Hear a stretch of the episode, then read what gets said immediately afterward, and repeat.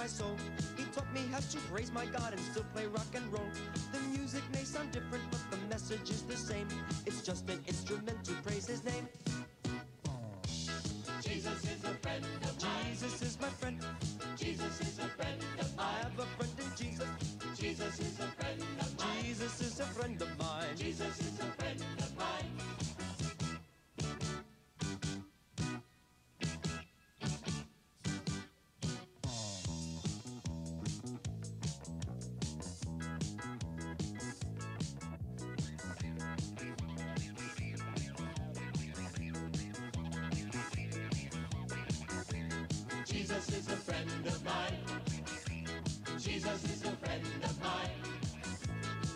I tried to run, I tried to run and hide.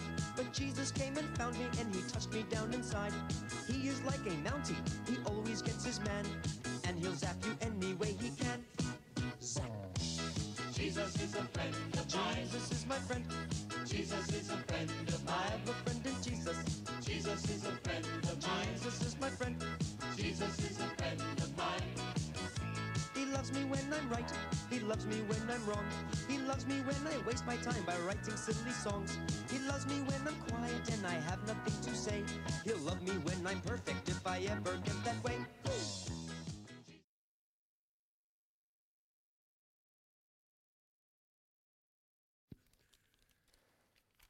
Sånn. Det Japp. Perfekt. Hei. Hei. Var ikke forferdelig sang? Den, den bare slutter aldri, da. Og den er bare sånn helt lik hele veien. Så kommer vi til å nynne på den i hele kvelden likevel. Skal vi si at Vi kommer til å nynne på den i hele kvelden. Ja. vi er aldri kvitt den. Eh, Veldig artig video fra den, den sangen der fra når de spilte den inn på et sånn amerikansk TV-show. Ja. De står uten sko, for de har tydeligvis vært nødt til å ta av seg skoene inn i TV-studioet. Jeg vil anbefale dere å sjekke den ut. Ja. Gjør det. Allerede et råd. Sånn er det her. For mye for pengene. Ett råd eh, etter ett minutt.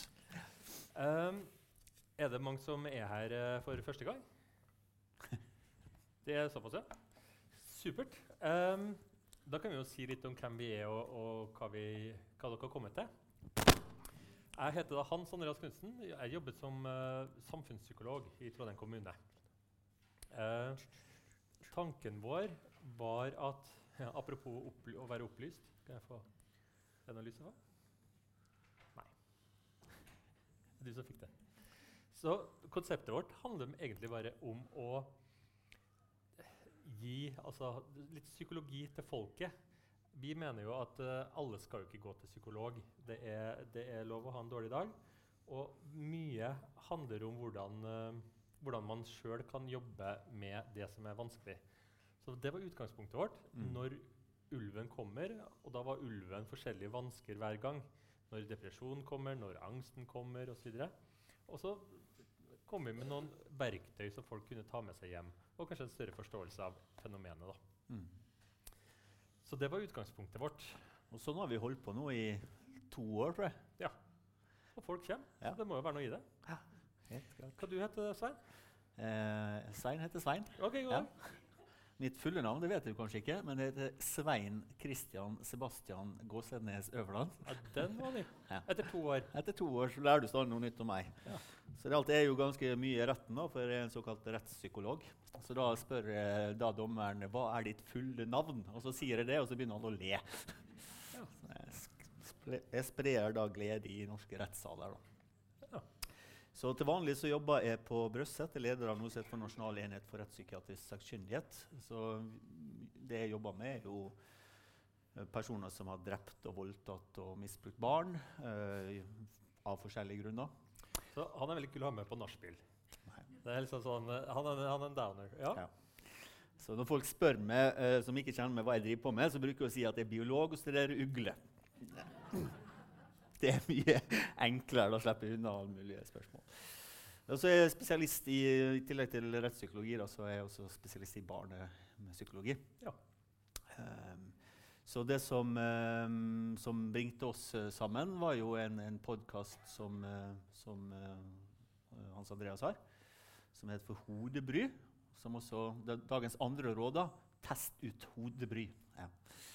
Eh, og siden har vi holdt på med felles fokus. Vi bruker å kalle det for psykologi til folket. Altså gi informasjon om psykologi for folk flest, og gjerne da med en dialog. Mm. Uh, og den dialogen er sånn at uh, dere vet når dere er alle andre plasser, så sier de legg bort telefonen, skru av telefonen. sånn. Ha gjerne på telefonen. Og det dere gjør, hvis dere har lyst til å, å spørre oss om noe, eller noe sånt, så skriver dere bare melding til oss. Og det kan dere gjøre på når ulven kommer sine Facebook-sider. Så skriver dere bare inn et spørsmål, og så kommer det opp her på iPaden min, og så kan vi ta det. Var ikke lurt? Og så har vi med en gjest. Hei, Hei, hva er du for en? jeg heter Are Sende Osen, og jeg er programleder i NRK. Og det har jeg vært i eh, 25 år nesten. Jeg har jobba i NRK. Fikk meg sommerjobb i ti dager i 1995 og har klamra meg fast siden. um, jeg holder på med litt forskjellige ting, men jeg tror at grunnen til at jeg ble invitert hit i kveld, er for at jeg har laga tre TV-serier om religioner i Norge i dag. Og Det heter På tro og are, og det kan dere se på den nettspilleren som vi har på NRK. Og mener ikke å skryte, men den TV-serien her, den brukes veldig mye i undervisning i barne- og ungdomsskoler, og også på gymnas. Jeg har fått øh, sånn øh, Hver vår så får jeg sånn takke-e-post eller to fra en eller annen gymnasiast som forteller at takket være meg, så sto han til artium. Eh, fordi at han eh, skrev på eksamen i KRLE eller RLE eller hva det heter. Det er noe han hadde sett på TV-programmet mitt, så det sier han takk for. Og så kommer det også en del eh, KRLE-lærere bort til meg og, og takker. Og det, det skjønner jeg godt, for vi har jo laga til sammen 15 program som varer i 30 minutter. Passer jo veldig bra undervisning når en time er på 45 minutter. Da tar du og bruker fem minutter på å lese opp uh, hvor mange som er her, og så trykker du på play. Og så diskuterer man i ti minutter etterpå, så har man fylt opp uh, seks torsdager med KRLE fremover. da. Så egentlig så mener jeg at uh, KRLE-lærere bør sende en flaske rødvin til meg hver gang de viser en sesong. da. Men uh, jeg har ikke fått noe sånn voldsomt gjennomslag for det. da. Det kan jo hende det er noen KRLE-lærere i salen. Det kan jo det. Ja. Så i så fall, det- Vi har jo en pause her, så da kan du ikke komme frem med den Ja. rødvinen. da. Eller du kan jo du kan kjøpe rødvin der, da. Spandere et glass rødvin. Ja. Eller ikke. Det, Eller ikke. Det går bra. Eh, Jeg syns i hvert fall det er så deilig. Jeg har, jeg har vært sammen med videregående studenter nå i ei uke da, og hatt noen prosjekter. Også, og følt meg så gammel. Men når jeg sitter her og hører liksom andre snakke om gymnasiaster og artium, så føler jeg meg så ung. Det ble en stund siden det. ja, for det heter ikke det lenger. Nei, det, det, jeg tror ikke det het- jeg tror ikke jeg har hett det på de siste 20 årene, kanskje. Ja. Jeg, jeg tror ikke jeg gikk på gymnaset engang. Nei, men sånn er, i, ved, ved lunsjen i går så snakka jeg med en kollega som nettopp har begynt i min avdeling, men hun har jobba enda lenger enn meg i NRK. da, og Hun sa ja, når vi hadde stil på ungdomsskolen, det hadde vel ikke du? Nei. Da var det sånn, jo, vi hadde faktisk stil, vi òg, altså. Eh, men hun hadde lært seg å, når hun hadde lært seg å skrive maskin, så skulle de ha to mellomrom etter punktum. Ok. Og da tenker jeg, da er du litt eldre enn meg likevel, for at jeg er vant til at man skal ha ett mellomrom etter punktum. da. Ja. Men, det var en digresjon. Ja. Det var dig det var en digresjon. Men når vi først er i gang med digresjon Jeg husker vi lærte jo sånn, eh, med er- sånn fyllepelm. fyllepenn. Ja, Det er så gammel er jeg, ja. akkurat. ja. Mm. Skjønnskrift. Skjønnskrift, ja. Mm. ja. Um, jeg sukker allerede. Ja. Velkommen til. Så det er hvem vi er, og, og hvor vi er fra, og hva vi gjør. Mm. Eh, temaet i dag er tro og overtro. Det, er, det var det faktisk av Jørg Riise Sørløkken som uh, ønska seg. Eh, det er lov å ønske seg tema. Eh, akkurat nå så er det jo litt satt eh, i vår, men eh, vi har jo eh, jeg og Svein, vi har jo invitert oss hjem til folk. Mm. Så vi bare drar hjem til folk, og så har vi show hjemme i stua deres. Ja.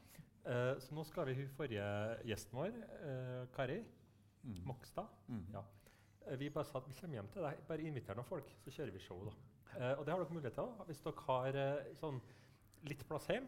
Og det er ikke det da, vi skal hjem til en Johan nå, som er student og bor på kollektiv. Ja. Så setter vi opp, for vi tenker det at vi må jo dra dit folk er. Mm. Og den er jo hjemme, da. Sånn at, eh, så da gjør vi det. Eh, så det er faktisk mulig å booke oss inn til stua di. Er det noen som, eh, som kjenner den der Søren Kirkegård? Han sa jo da all sann hjelpekunst begynner å, være der den annen er. sa han. De er jo hjemme. Så drar vi hjem. Problemløst. Men vi filmer det vanligvis òg, og vi lager podkast. I dag så gjør ikke vi det. Vi, har, eh, vi tar det opp, og det legges ut på Litteraturhusets, nei, litteraturhusets eh, egne nettsider. Ja. Ja. Men eh, Johan, eh, filmmannen vår, er sjuk, så det har vært ikke. Da tar jeg og løsner ut beltet ditt eh, et hakk. Det er derfor vi har, det her er to ganger 45 minutter, og det er fordi at 45 minutter er akkurat så lenge jeg klarer å holde inn magen i Ja. gangen. Folkens, tro, overtro. Um, hva, hva er det? Skal vi begynne med noe sånn Vi må ha noe felles uh, grunnfjell å bygge på her nå. Mm. Hva tenker dere uh, når jeg sier tro, overtro? Spør du oss nå, eller spør du alle? Nå spør jeg først, da. er første gang da, vi snakka om eh, at, vi, eh, at noen ville at vi skulle snakke om det, så det første jeg tenkte, var jo da religion. Uh, og så tenkte jeg litt mer på det. Og så snakka jeg med en historiker jeg kjenner, som sa det at det er ingenting som heter overtro. At det var et gammelt begrep som de kristne innførte bare for å si det når du hadde tro, og så hadde noe annet. Uh, og nå snakker man om folketro. Altså mm, hva folk flest innenfor en, en, en, en gruppe bestemmer. Og det kan jo være, eller tenke om ting. Og det kan jo være alt fra astrologi, at folk tenker at vi blir påvirket av stjernene, eh, til at folk tenker at eh, ja, eh, sannsynligvis så er det noen folk som kidnapper oss fra andre planeter. Slik at det folketrobegrepet er mye større enn enn hva jeg trodde, egentlig. Det vil også si at folketro er noe som utvikles. Det er ikke bare sånn å tro på nisser og troll, men å tro på oss også helt andre ting. Eh, som mer som vi tenker i dag på som konspirasjonsteorier, f.eks. Det er noen som tror for at det månen eh, At jorda er flat. Det så jeg et program på TV nå. Mm. Flat Earth Society. Det vil da være folketro, da. Et sånn som jeg lærte av den historikeren. Folketro og, og psykiatri, da. Hvor det må være noen grenseganger der en plass? Ja, det er jo mange som sier det at, eh, at eh, psykologer og psykiatere er så fæle på å diagnostisere folk. Og det er jo ikke helt sant, da, for er psykologer og, ø, og, og leger generelt er mer tilbakeholdne eh, på diagnostisering enn vanlige folk. For vanlige folk går jo bare inn og Vanlige folk, det hørtes jo fælt ut, da. Men folk som ikke er psykologer, går bare inn og på en måte ser en sånn sjekkliste. sånn, sånn, sånn og sånn. Men for å få en, en, en, en psykisk eh, lidelse, så må jo det i tillegg medføre vesentlig funksjonsnedsettelse. Subjektiv lidelse. Eh, Og det skal være statistisk uvanlig. Så klart, da begrenser du en del religioner. Du kan ikke si at alle som tror på religioner, er, er psykotiske, annet. Eh, eller noen vil jo si det, da, eh, men det vil ikke være, vil være riktig. da. Så Som psykolog så har du et utgangspunkt at så lenge du fungerer i livet ditt, så skal ikke du ha en psykisk sykdom, uansett hvor gærne tanker eller hvor avvikende man, man er. i utgangspunktet. Så det er viktig å huske. Når dere begynner å bla på en måte i altså, sjekklisten, så ser dere psykopater hos eksen og naboen og alt mulig sånn. Eh, men hvis folk fungerer i livet sitt, eh, så skal ikke du sette diagnose på det. Hva du tenker du når eh, rundt tro, og overtro av, Du har nå vært og møtt forskjellige Mm. trossamfunn. Ja, jeg har jo møtt eh, eh, masse forskjellige trossamfunn rundt omkring i Norges land. Skal jeg ramse opp bare en liten smørbrødliste til dere? En uh, kjappe? Ja, jeg har møtt uh, jøder, muslimer, sikher, buddhister, uh, hinduer, Jehovas vitner, uh, sånn New Age-folk, sjaman og eh, scientologer og pinsevenner og mormonere og i det hele tatt ganske, ganske bredt utvalg, da. Ja. Eh, og det, det, det som var litt artig, at, at i den første sesongen når vi, når vi fikk mormonerne med på laget, da, så ville de være sist i opptaksperioden, for vi skulle lage eh, seks program. Og mormonerne fikk være sist til sist. Og da var de veldig fornøyd, for at de tenkte at det kom til å bli en enorm fjær i hatten på dem når jeg kom til å bli mormoner.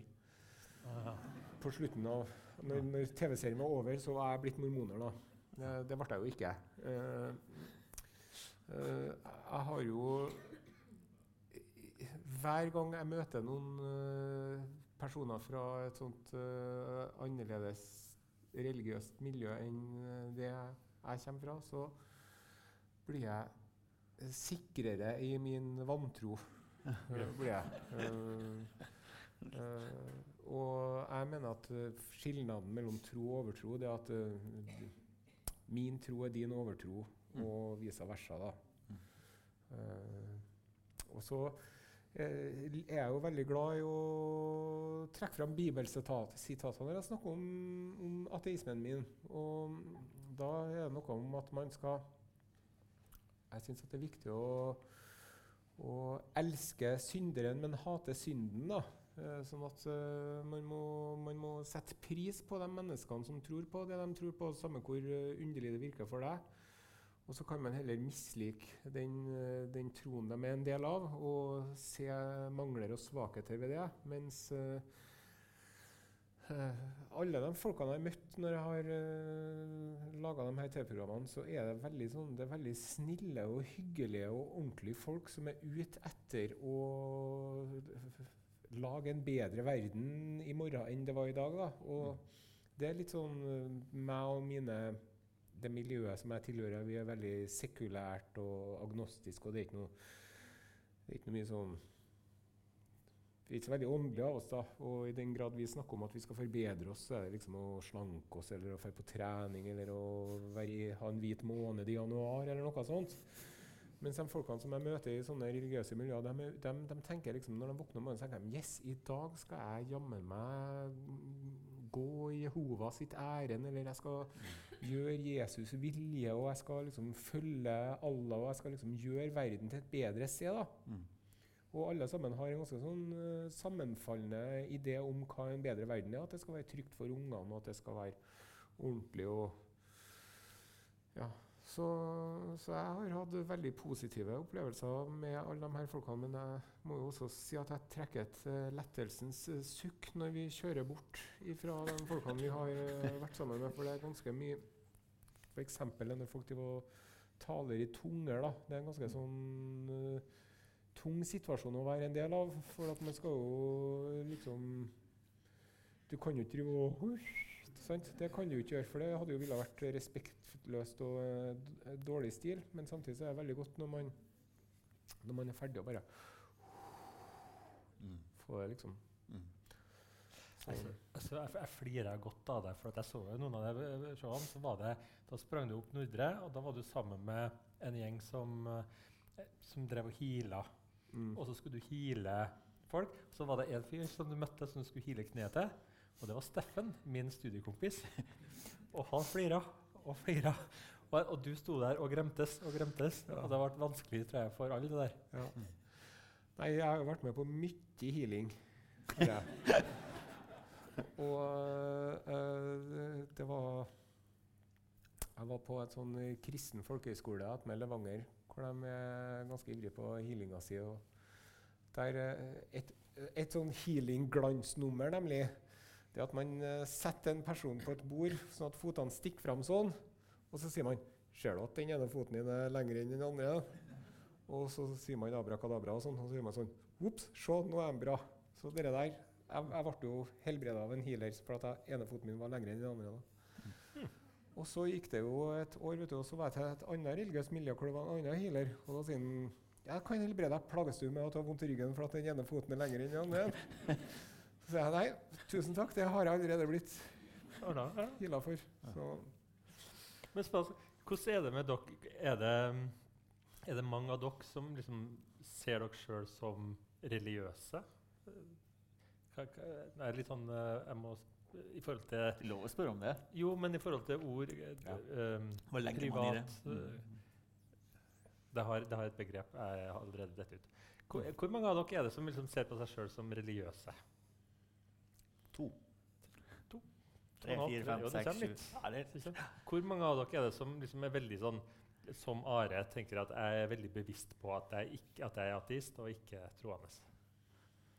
Ja, litt flere. Mm. Ja, det er jo ikke det er jo ikke, noe, det er jo ikke noe mål for meg når jeg møter disse folkene her, å, å få vente dem over til min side. For at jeg, jeg har ikke noen sånn drøm om å fylle dem med håpløshet og en erkjennelse av at livet er meningsløst, og at uh, det livet her er alt som finnes, og at uh, etterpå så er det en evig natt som vi aldri skal våkne opp ifra. og uh, det, det liksom, finner ikke noe sånn glede i det, da. men det gjør jo dere stakkars Jehovas vitnerne og mormonerne som kommer og ringer på døra di innimellom. Mm. De er jo ute etter å få med deg inn i herligheten. Mm. Så når de ringer på til meg, så sier jeg ikke interessert, men ha en fin dag og lykke til videre. sier jeg, For at jeg setter jo veldig pris på det de, Mm. det de prøver å gjøre. da. Jo, men jeg, jeg syns det er litt sånn spennende, fordi at det er litt sånn dumt at vi er tre ateister som sitter på en scene for å snakke om religion. tenker jeg litt på da. Men jeg møtte jo en, en mormoner på gata. Det var to elders, som det sto. Pent kledde gutter. Hadde gre- gebrokken amerikansk. Så de var liksom flydd inn da, for å drive misjonering. Og så jeg ble så nysgjerrig, fordi at det de tror på, ligger så utrolig langt fra det jeg tenker er rett om verden. da.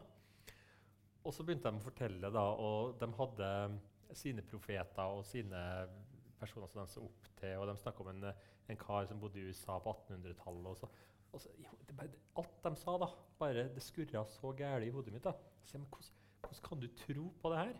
Mm. Og så begynte de å fortelle om at, at det gir bare så utrolig mening. Jeg har noen kompiser av meg som, eh, som har gifta seg. Og så, og så spør jeg er du, er du sikker på det her. liksom? Det, er- det, blir den dama resten av livet. du vet, det liksom. Og så sier de det at ja, det her føl altså, er en overveldende følelse av at det her er riktig. Mm. Så ble jeg sånn, ja, ja vel. Og så, men så har jeg sjøl hatt den når jeg da slutta å studere og begynte å jobbe. Jeg, ble, jeg var også så redd for å begynne å jobbe, for det her, jeg må opp tidlig om morgenen, og det, var liksom, det var krav, og det var ikke måte på. Men jaggu gikk det ikke bra. Jeg, fikk en sånn, jeg har siden den gangen tenkt at nei, jeg skal ikke tilbake på st å studere mer. Det, det her er det jeg skal gjøre nå. Samme følelsen fikk jeg når jeg fikk meg en ny leilighet. Jeg bodde i kollektiv i åtte år. Skulle flytte for meg sjøl. Skummelt. Å, kanskje jeg blir så aleine og sånn. Nei, jaggu. Det, det kjentes fra dagen det her er riktig. Så det fikk så overveldende sånn Og jeg følte litt at det var han, det han snakka om, en sånn overveldende følelse av at noe annet kan ikke være sant, fordi at jeg kjenner så, det er så godt, og den følelsen gjør meg så godt, og det føles så rett, Mm. beskrev han. Mm. Og så tenkte jeg, ble jeg plutselig litt misunnelig på han. Mm. For er liksom sånn, Tenk å gå rundt med den følelsen, om han har rett eller feil. Han går rundt hver dag og bare har det så godt. For han tenker det jeg gjør nå, gir mening. Det er veldig viktig for meg å stoppe folk på gata Mm. og, og fortelle, fortelle dem det jeg mener er rett. Men det, det, det er jo sannsynligvis fordi skal si, det er noe i det. da. Altså, om, om det finnes en gud eller ei, det, det kan jo man diskutere. Men når du ser det at det er alle folk på jorda eh, gjennom alle tider, så har noen trodd på noe som var mere. Så tenker jeg det er jo sannsynligvis fordi vi mennesker har et eller annet i oss som trekker oss mot den følelsen. Og i tillegg, når du da har eh, resultat fra sånn funksjonell hjerneskanning som har til og med funnet et område i hjernen som man kaller for gudspunktet, der du stimulerer det magnetisk, og så får de den følelsen som du beskriver. Mm. At, det, er- at det, det er noe i rommet, det er en slags følelse av godness, for å, for å si det på engelsk. Eh, det, det, det gir jo en slags føring på at det er noe i oss, da. Og så vil selvsagt de religiøse si ja, det er jo fordi det faktisk er noe. Mm. Mens de som ikke er religiøse, vil si at det, den følelsen kan komme av andre ting. Da. Mm. Men jeg tenker at, at den følelsen tror jeg alle sammen opplever en gang i livet sitt. At det er noe mer. At man kjenner den der følelsen av en fantastisk god følelse. Du kan kalle det for flytfølelse, du kan kalle det uh, å bli frelst. Eller du kan, men det å gjenkjenne det at det, man, det er noe mer enn det sjøl, det tror jeg er helt normalt for alle mennesker. Så kan vi diskutere om hva, hva som er skylda eller årsaken. Mm. Men den følelsen du beskriver, den tror jeg alle kjenner på en eller annen gang. Det er jo, mm, nå, du nevnte jo Søren Kirkegård her. Mm. Jeg har jo ikke lest eh, Søren Kirkegård, men jeg har sett et og annet sitat. og Det, det er Mm. noe snakk om noe troens mirakel og noe greier, tror jeg. Mm. Men det som, det som jeg tenker på, er at selvfølgelig så har man et, eh, et mål og en, et, en mening i livet sitt når man er religiøs. Mm. Men eh, jeg tror også at man må huske på at eh, Jesus Kristus sjøl tvilte jo fælt i Getsemane hage kvelden før the, the big night. Mm. Så lurt på hva er det som skjer nå, og er det virkelig denne meninga? Og, sånn. og det har jeg også liksom, syns jeg skimta bak fasaden til mange av de folkene jeg har møtt som er veldig troende, at det, er, en, det er en desperasjon der, da, og det er en, uh, det er en frykt. Og det er også en usikkerhet. sant? Og det er jo veldig ofte sånn at uh, for uh, religioner så er det jo at det er jo liksom uh, Det her er jo det, Denne tilværelsen er jo oppvarmingen. Og så er det jo Premien kommer jo når Ja. man dør, hvis man har oppført seg ordentlig. Og da skal man jo veies og måles og alt mulig. Og kanskje så går det galt. Eh, men kanskje så får du slippe inn. Og det er jo forskjellige kriterier for hvor eh, Man har jo i det siste blitt stadig rausere med å slippe inn folk i paradis. Mm. Mm. Eh, men det er jo eh, Etter, etter de blå-blå kom, eller? Er var det med det? Nei, lenge før det. det. ja, lenge før det, ja, eh, siden, siden rett etter krigen omtrent. Oh, ja, okay. Så har de, har de ja, de har jo fira på det der, sant? Ap- Apropos det, det styggeste jeg så, det er ikke tull engang. Jeg husker ikke Oi. hvem, det var som sa det. Da mista du alle Eh, men det var jo Jo, det en, en, eh, en eh, mener det var en preste som ble spurt liksom, hva skulle man gjøre for at flere unge ville konfirmere seg. Og da i fullt alvor så sa han ja, vi kan jo senke aldersgrensa. Det syns jeg er det, er sånn ta dem mens de ikke vet hva de eh, gjør. eh, rett og slett. Men jeg har opplevd andre veien. òg, For det, det jeg syns du sier, er veldig fint og respekt, respektfullt. At folk med, med For nå snakker vi om religion. da, At de er veldig ofte veldig snille mennesker. Mm. Men så er spørsmålet om de er snillere enn andre. da. Det kommer litt an på, men i hvert fall det som jeg har sett, er jo at en del av dem som fremstår da, som og har kommet lenger enn oss andre, da, kanskje ikke har gjort det likevel. Altså, at vi, da har vi jo ordet skinnhellig. ikke sant? Jeg var jo tre måneder i et sånn buddhistisk eh, kloster når jeg var ung i eh, Nepal. Mm -hmm. uh, og genuint hadde lyst til å lære meg litt sånn triks og kunnskap. Og da, Der eh, var det en sånn såkalt stupa, der du, folk kommer med sånn og tar på sånn bønnehjul. Veldig mange turister som kom opp dit. da. Så satt da eh, munkene rundt da, og på en måte ga dem rett, rett eh, ledning. Og veldig mange av disse der munkene så jo jeg, da. Jeg satt da og eh, på en måte stirra veldig på de amerikanske turistene med små store eh, pupper. Ja, store pupper og store rumper. Og, eh, og det, det var liksom ikke helt gjennomført, da. Men jeg tror ikke, og sånne ting tenker det burde man forvente, og det tror jeg de fleste som er religiøse også vil si at det glipper av og til. Men jeg er ikke sikker på nødvendigvis at du blir et bedre menneske bare fordi du har en religion. da, bare så jeg sagt. Men det, det, hvis jeg bare får skyte inn, så er det jo eh, Verken Dalai Lama eller eh, mange andre buddhister i Asia har jo hatt noe valg sjøl i den prosessen. her. De har jo blitt eh, utpekt for mange liv siden Ja. til at det, det, det er det de skal holde på med. Mm. Ehm, og det er jo litt uh, artig uh, sett bilde av sånne hellige menn innenfor buddhismen som uh, De er så hellige at de har en uh, liten slavegutt som går foran seg og koster, sånn at de ikke skal tråkke i hjel noen insekter Mm. når de går. Jainisme. Ja, for at, og det, da syns jeg at det blir litt sånn misforstått Mm. greia. Nå skal jeg være litt forsiktig med å kritisere buddhismen, for at eh, Norsk Buddhistforbund driver og anmelder meg til Pressens faglige utvalg og Kringkastingsrådet en gang i halvåret. Uh, Pga. Uh, episode nummer fire i sesong én av På tro hvor vi møtte en buddhistfamilie som vi begynte å snakke om en del av de tingene her. da. Karma og alt mulig sånt. Så jeg skal egentlig ikke eh, blæse ild i de glørne der. Men Men før vi begynte programmet om buddhistene, så tenkte vi herregud, hvordan skal vi klare å finne noe konflikt i denne episoden? her? Hva er det egentlig å fokusere på? De er jo så snille, de buddhistene her. Mm. Og så er det ei jente som sier hun Jenta er født i Vietnam, kom til Norge på 80-tallet, var rødruss når vi intervjua, hadde på seg russefrakk og russelue. Og vi står og snakker sammen, og så sier hun til meg jeg er jo dame, vet du, så jeg har jo mye dårligere karma enn deg. Og så sier jeg å, har du det? Ja, jeg har jo det, vet du. Ja, hvorfor det? Nei, det er jo en straff der at jeg er født som dame. Og for det viser seg det ifølge buddhismen at dere damene dere har gjort et eller annet galt i deres forrige liv. som gjør at dere er damer nå. Og jeg håper dere har skjerpa dere i det her livet, for hvis ikke så blir dere en hund neste gang. eller Ja. et eller annet sånt da. Den kommer jo hit i dag, da. For å Ja, få, det er jo et godt tegn, da. Men jeg, så- jeg, så den, eh, jeg, jeg så den episoden, eh, og jeg syns også det var veldig artig. For du hang deg litt oppi det der med, med, med damer. Og, grunn, og bakgrunnen òg var sånn Ja, men hva er det som er så dårlig med damer, sa du? Mm. Og da var det sånn Ja, de sladrer mer, Mm. og de var mer irritable. Ja, de lyver, Og de lyver. og de, er, de, de frister menn. Ja, De er vanskeligheter med å bestemme seg. igjen. ja.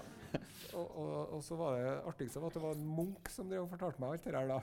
Og han uh, var jo en munk som lever i sølibat sjøl i et kloster med andre mannlige munker. Så, ja. Men eh, Ja, så, så, så det her Men OK. Så, men, eh, så det her liker de ikke at du sier. eh, Nei. Altså, men så er det, det er jo litt for, for at vi, altså Karmabegrepet syns jeg også er veldig problematisk. da, For at man kan jo liksom si 'what goes around comes around', kan man jo si. sant? Og det er sånn at Hvis du er slem, så Og det er for så vidt greit, men når man begynner å videreføre det fra generasjon til generasjon og til å involvere familiemedlemmer og sånn, så, så blir det tussig da, at, øh, at hvis du har en lidelse eller en sykdom eller en funksjonshemning, eller hvis det skjer noe galt med deg, så er det fordi at du har gjort noe galt Mm. forrige gangen du levde.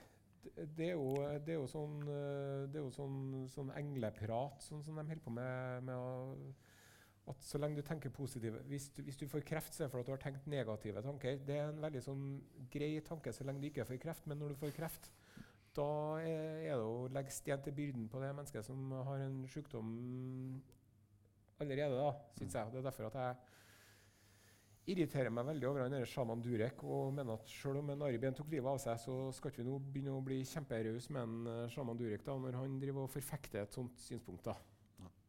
Nå tok vi stort uh, område på en gang her. Se her. Jeg er glad du kom. Jeg, Ja. jeg, skal, jeg har lyst til å ta det, gjøre det liksom skikkelig dagsaktuelt òg. Den her eh, å arve altså eh, arvesyndige generasjoner. For at vi har jo hun IS-dama vet du, som har nylig kommet hjem, som det har vært mye styr rundt. Der var jo mye av argumentet at, at uh, vi tar hjem barna fordi at de skal ikke uh, straffes for noe mor har valgt. Mm. Og de var tre, fire, fem år. Og det syns jeg jo var en, en fin måte å tenke på. da. Mm. At, at de skal få en ny sjanse, sjøl om vi er veldig uenige med moras valg. Kan, kan jeg få lov å innskyte der eh, om det med rettferdighet? da?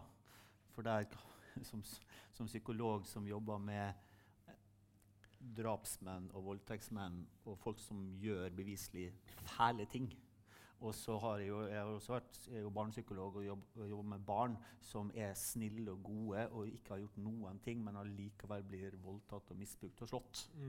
Eh, så er det nok Jeg skulle gjerne ønske at det var slik at hvis du var snill, så skjedde Du må slutte å slå. Beklager. Hvis du er snill, jeg skulle gjerne ønske slik at hvis du var snill, så kunne jeg si at det, det lønner seg. Ja. Og hvis du er slem, så vil du få en straff. Ja. Sånn er det ikke nødvendigvis. Heller i dette livet her. Eh, karma, eller jeg vil ikke kalle det karma, men det finnes fryktelig mange folk der ute som er gjennomgående snille, og likevel så opplever de fæle ting.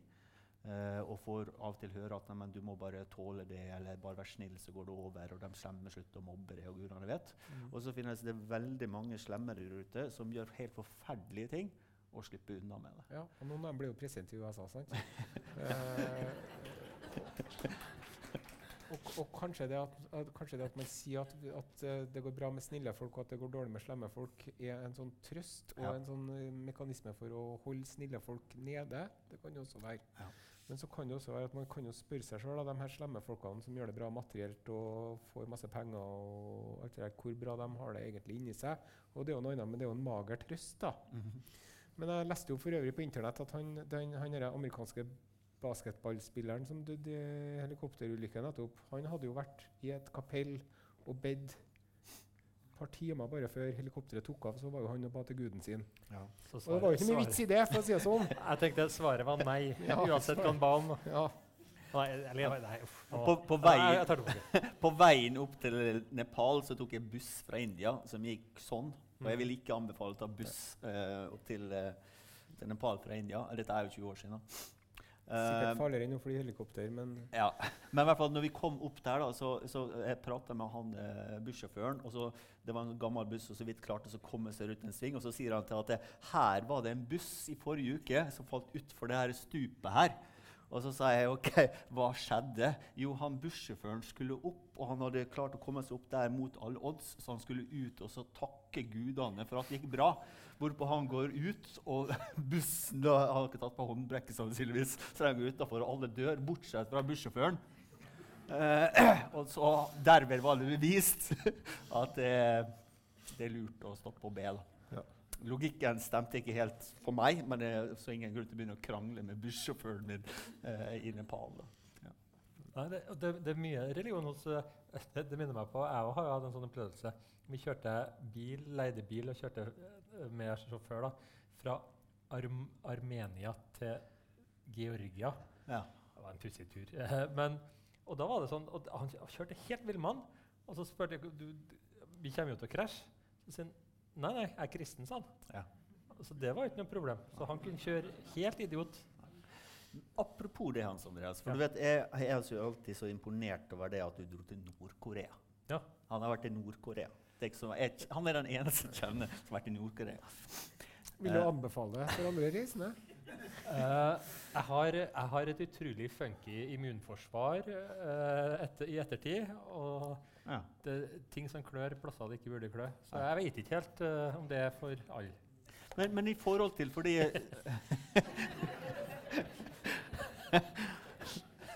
I, I forhold til det eh, For der også er det sånn eh, Jeg har aldri vært i Nord-Korea, men disse der, eh, hva nå heter disse lederne? Eh, de, blir liksom avbildet som, som som Ser ut som en sånn Buddha- eller Jesus-statue.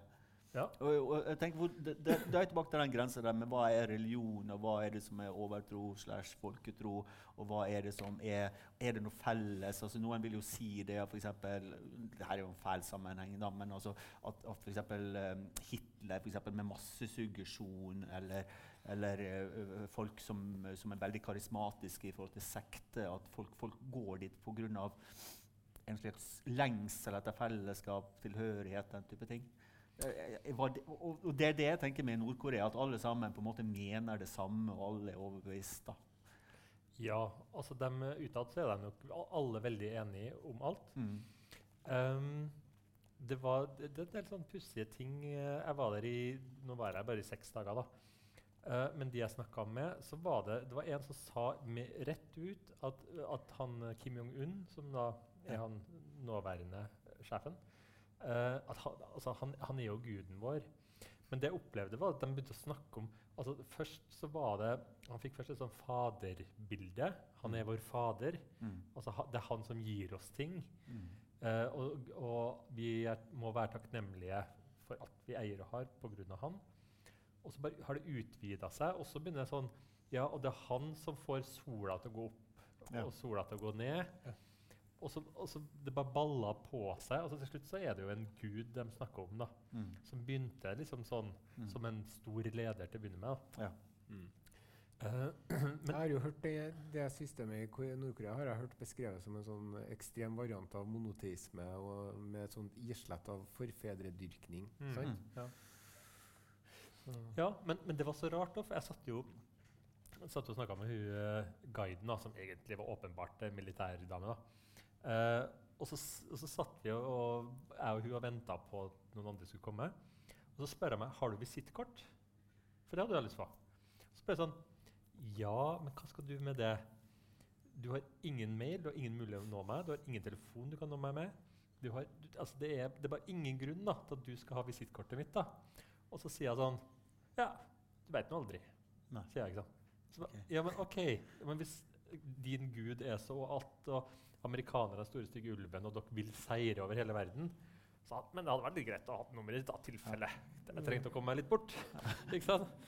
Så da, så da ble det også litt sånn Ja. Det du snakka om i stad. Ja. Er det en liten tvil der? Og det virka litt sånn vel. Mm. Og Da kommer vi tilbake til fedrenes synder igjen. Da, for jeg har hørt at I Nord-Korea så straffer de deg i tre generasjoner hvis du stikker av. Ja. Eh, da tar de Ja. foreldre og besteforeldre og barn og barnebarn og sender dem i konsentrasjonsleir. Mm. Det minner meg, Jeg var i, i, i Bali, og der også har en sånn uh, religionmiks. Mm. uh, mellom uh, hindu og, og, og, buddhisme og litt kristendom. Og sånn forfedredyrkelse og animisme. Altså.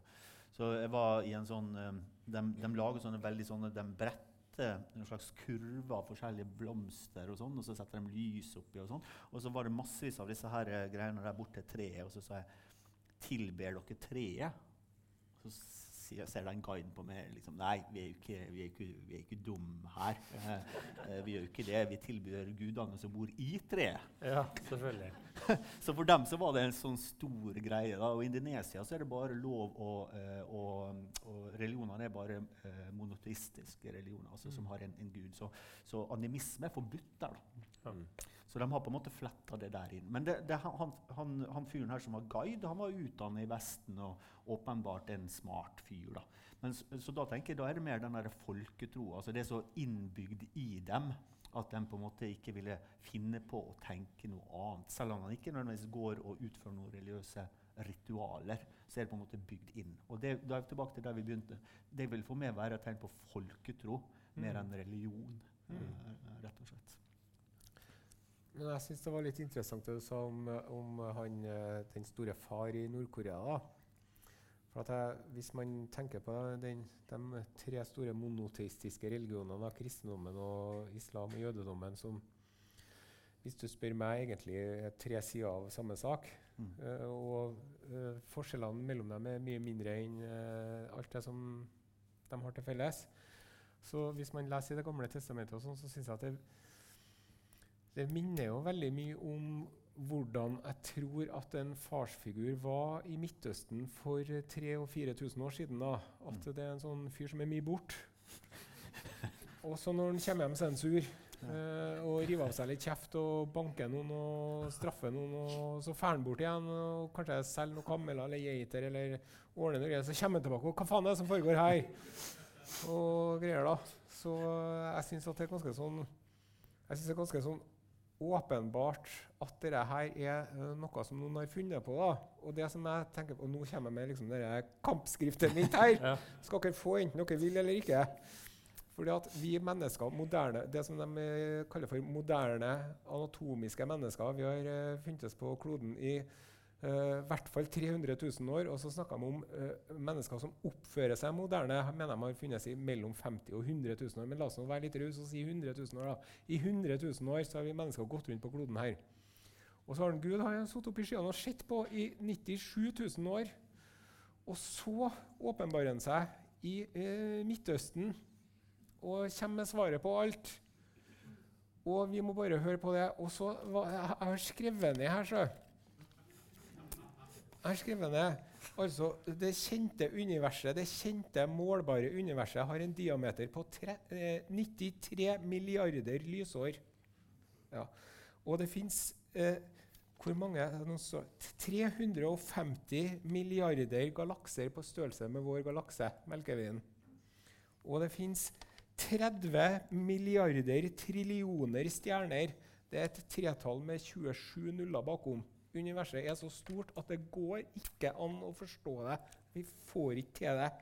Og likevel er det sånn at universets skaper er opptatt av om jeg putter noe oppi endetarmen min eller ikke. Sant? Det er ganske sprøtt, da. Ja. Ja. Og at universets skaper er klar over at jeg fins, det er jo egentlig ganske sånn wow. Sant? Og at han driver og snakker med meg. Og jeg mener at det der er jo Jeg, jeg skjønner det jo. Det er jo, jeg mener, det er jo Altså, det livet her, da, det, det er veldig kort. Og tida går bare fortere og fortere jo eldre man blir. Og før man vet ordet av det, så er det slutt. Og det er jo sånn, jeg skjønner jo at det, det må jo være noe mer enn her. Det er veldig naturlig å tenke det, da. Men jeg mener at de folkene som sier at de har svaret på hva det er For at jeg sier ikke at jeg har svaret på det, men jeg mener at folk som sier at de har svaret, da, dem bør man være skeptisk til. Og hvis man kan, hvis man kan liksom prøve å systematisere folk som mener at de har svaret, så må man være sånn ok, enten så har de faktisk svaret, det er jo en mulighet. Eller så lyver de. Eller så er de gale. Ja. Og da syns jeg at man kan bruke det barberbladet til han denne filosofen og Og prøve å luke vekk det som uh, man tar, tror er minst sannsynlig. Så jeg mener at jeg, jeg mener ikke at man ikke skal undre seg over tilværelsen, og at man ikke skal glede seg over, over ting som skjer, og kattunger og regnbuer og sommerfugler og babyer som flirer, og det er mye, mye kult.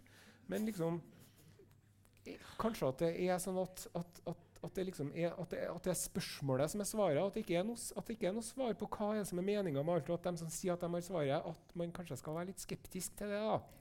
Syns jeg er kjempeviktig å ha i bakhodet. Supert. Jeg tror det der var en veldig bra en å ta og gå ut til. Vi tar oss en pause på pause fram til klokka åtte. Hvordan går det med dere? Har dere det? Ah, Hvordan, eh, Rekk opp hånda alle som har det bra. Ja, det er sånn eh, 70% Det må være såpass, tenker jeg. da. Uh, det var noe spennende. Jeg gikk noe litt rundt uh, i pausen og hørte litt sånn eh, om det var noen spørsmål, om noen tanker. Og det var mye av det. Og det som var artig med det, var de var så sprikende. Eh, og noen som sa det at eh, Kjempebra og eh, og helt enig. altså det der, eh, Jeg syns det, det er veldig rart å skjønne meg på forskjellig sånn re religiøs praksis. Og så var noen som var liksom, det her var litt ovenfra og ned, og her sitter dere og snakker om at eh, de som gjør noe annet, og, og det er rett på altså, Så det var veldig mye sånn Veldig motsetninger, da. Bare sånn to-fire meter eh, av reolen. Eh, så, så det er jo på ingen måte noe Jeg har jo ingen tanker om å verken være elitistisk eller ovenfra og ned. eller Jeg syns det her er genuint spennende. da. Uh, dere fikk sikkert noen spørsmål òg. Hva var det dere hørte? Ja, nei uh, Jeg vil, jeg, vil jeg kjenner meg veldig truffet av denne ovenfra og ned-kommentaren. da. Ja. Eh, Jeg går og setter det der. det er noe jeg driver og jobber med. da. Uh, og som jeg sier, jeg prøver liksom å jeg prøver å Jeg, prøver å, jeg, prøver, jeg jobber med den ovenfra og ned-holdningen eh, med varierende suksess. Men vi fikk et spørsmål fra en iblant publikum som kom opp og fortalte at uh, denne personen er mer ateist enn agnostiker sjøl, og hadde en partner som døde for omtrent fem år siden. Og så kom det opp en felles bekjent kom det bort en felles bekjent av dem til denne personen og fortalte at hun hadde snakka med den avdøde hos et medium. Og det var veldig viktig å, å få overbringe beskjeden om at denne personen har det bra. Eh, og så lurte eh, det, mennesket lurte på hvordan er denne kontakten med medium, og hva vi tenker rundt det. da. Med altså da, å snakke med de døde. Så eh, Det, Apropos ovenfra og ned, holdt jeg på å si. Unnenfra og opp. Ja. ja. ja. Ja, altså, um, Hans Andreas og jeg, vi er jo, vi er jo psykologer. Og øh, jeg har jo også, jeg har jo også en utdannelse innenfor hypnose. da. Og um, hypnose er jo en, skal vi si, en, um, det er jo en teknikk du, du, du kan lære. Og noen er lett å hypnotisere, noen er vanskelig å hypnotisere. Men der også er samme greiene. Jeg vet ikke om dere har sett sånne show. Det var en periode det var sånn McKenna på NRK. Ja, så, sånn, eh, så tok man opp en fra salen, og så fikk han den til å gjøre alt mulig eh. Og det er, jo, det er jo ikke tilfeldig hvem man tar opp fra salen. Man har jo ofte en sånn oppvarmingssesjon da, eh, som ikke man får se på TV. eh, der folk følger ut noen skjema, man tar noen øvelser og sånn. Og ut fra det så vet jo allerede hypnotiseren hvem som er lett hypnotiserbar, og så gjør man det. Og, hypnotiserer dem ofte bak scenen. Og så det man, man da ser på skjermen, er jo det eh, at man rett og slett tar dem inn igjen i hypnosen. De har vært hypnotisert fra før, og så på en måte får de til å gjøre mye rart. Og poenget mitt er at jeg, tror at eh, mange av de triksa som man bruker i hypnose, og som man bruker generelt når man er flink til å work the crowd Jeg vil tro du også kan noen sånne triks som eh, NRK-senior. Kanskje? Ja, kanskje. Eh, så, så tenker jeg at det er litt sånn samme greie når du var disse der føttene og sånne ting. Jeg tror det der med hvordan bruke en gruppe, og hvordan vite hvordan du skal spørre sånn eh, Hvis du kommer til meg da, så sier jeg at ja, du ser ut som en klok person, eh, og klokskap kommer jo fra erfaring. Du har sikkert opplevd noe trist? Og så sier du ja, det, det har jeg. Ja, eh, folk kan jo dø, og folk kan jo bare ha kreft og alt mulig sånn. Ja, jeg har kreft, sier du. Ja, ikke sant? Kreft er jo en, en fæl ting, og man kan ha det i hodet, og man kan ha prostata og, og så forstår dere hva jeg vil? Og jeg tror eh, veldig mye sånn Det vil jeg tro, i hvert fall. At du kan få, jeg tror at man kan få folk til å oppleve at man har snakka med de døde uten at man faktisk har gjort det. Om man kan snakke med de døde, det vet ikke jeg. Uh, men jeg tror i hvert fall jeg skulle, hvis noen gir meg en sekk med penger, uh, så tror jeg i hvert fall jeg skulle klart å bløffe det. da, for å si det sånn. For min egen del, Hvis jeg hadde vært litt senere på kvelden og vært sammen med bare venner og hadde drukket litt mer vin, så hadde jeg kunnet sagt det vet jeg. Ja. uh, eh, Det men, men jeg skal ikke si det nå, Nei. da, for altså, vi skal ha et åpent sinn og ovenfra og ned og alt det der. Men, ehm, men jeg har nå vært med på en session i lag med Norsk Spiritualistisk Forbund, hvor de driver og øvde seg på det der. Og, Øvde seg? Ja, de driver og øvde seg på det der da, med sånn Og da var det jo ei dame som skulle Uh, og uh, faktisk så var det så gæli det at, uh, at det har bare skjedd én gang at vi filma TV-opptak, og så jeg reiste meg og sa det her, det her går ikke. For at det, da måtte jeg det her, det her, Da var det sånn Det her klarte ikke jeg å være med på, for at det var så Mm. Det var så fjernt for meg.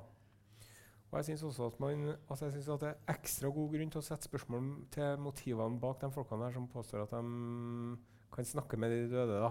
Mm. Um, nå er det jo sånn Jeg er jo eplekjekk i dagslys, men mm, kan fort finne på å være litt mørkredd når det blåser og det er mørkt. og har sett en skrekkfilm og alt mulig sånn, så, så, så liksom tøff på avstand. Men, uh, men jeg syns jo at, eh, at hele den hjemferdgreia der er, er bare sånn Og det er jo sånn man må jo tenke over konsekvensene ved det der. For at det liksom, ja, der går det igjen, og der spøker det og sånn. Jeg er sånn, ja, men hvordan er det mulig at folk jobber på sykehus, da? Og på fly Folk dør jo på fly hele tida, gjør de ikke det? Alt det med trykket og alt mulig, hjerteinfarkt og alt mulig sånn. Og, og liksom Nå ble det mørkt. Det går bra. Det. Ja. Nei, så jeg tenker sånn eh, en, eh, en god venn av meg eh, jobber på en skole i Trøndelag hvor det ryktes at det spøker. Og han eh, kom til meg og var skikkelig oppjaga fordi at eh, det var Når han kom hjem på det, Han bodde på den skolen. Så var det skuffa var åpen, og dørene sto på vidt gap, og vinduene var åpne, og det var noe som hadde romstert. Og det var spøkelset, da. Og så sier jeg ja, hva tror du er mest sannsynlig? Tror du at det, er, at det faktisk er at universets lover ikke gjelder akkurat på, i hybelleiligheten din? Eller at, tror du at det er noen med nøkkel som har kødda med deg? Nei, det kan ikke være noen som har kødda med meg. Men så var det jo det. For det var jo vaktmesteren som visste at den personen her var overtroisk. Og så hadde de gått inn og kødda med han, og så venta de en tre-fire år med å si fra om det, og han fikk vite om det ved en tilfeldighet, uh, utilsiktet, og ble jo da selvfølgelig både rasende og skuffet og oppjaga på en gang. Jeg husker jeg gikk jo på noen år på Universitetet i København. Eh, og da var det altså, Kommunehospitalet som var på en måte gjort om til det universitetet.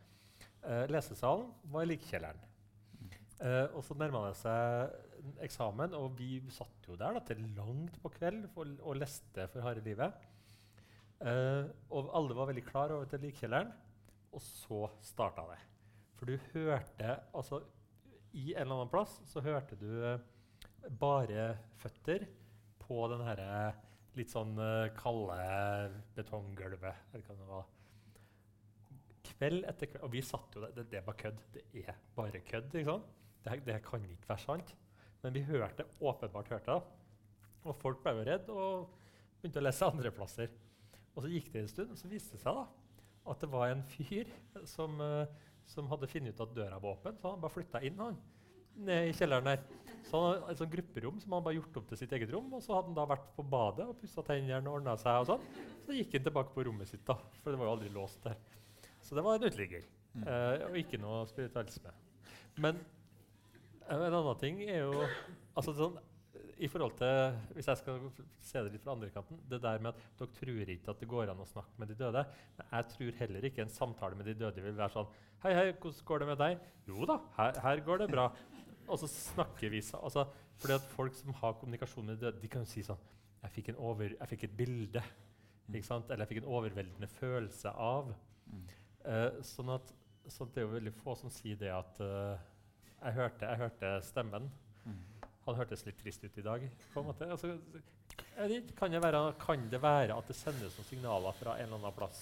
Ja, men da må, da må, jeg, ba, da må, jeg, bare- da må jeg si at da må jeg, Vent, da. Skal jeg, skal, Det- det- vent, vent, her nå. Vent, jeg skal se.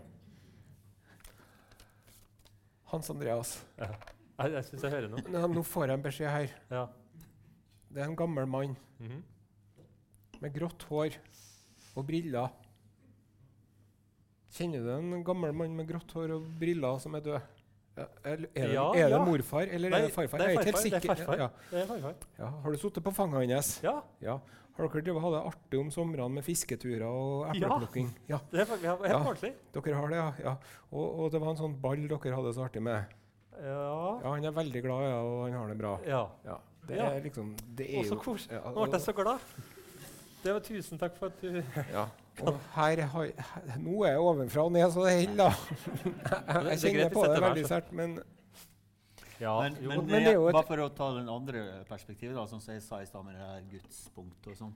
Jeg tror eh, hadde det vært Hadde ikke det vært så at vi satt på en scene her nå, da, men at vi satt på en måte på nachspiel eller alene hjemme på en hybel sammen, så tror jeg veldig mange hadde sagt Nei, men vet du hva, jeg har faktisk sett far min, eller jeg har hørt sånn og sånn. Og i hvert fall Der jeg kommer fra på Sunnmøre, så det med vardøg er helt vanlig.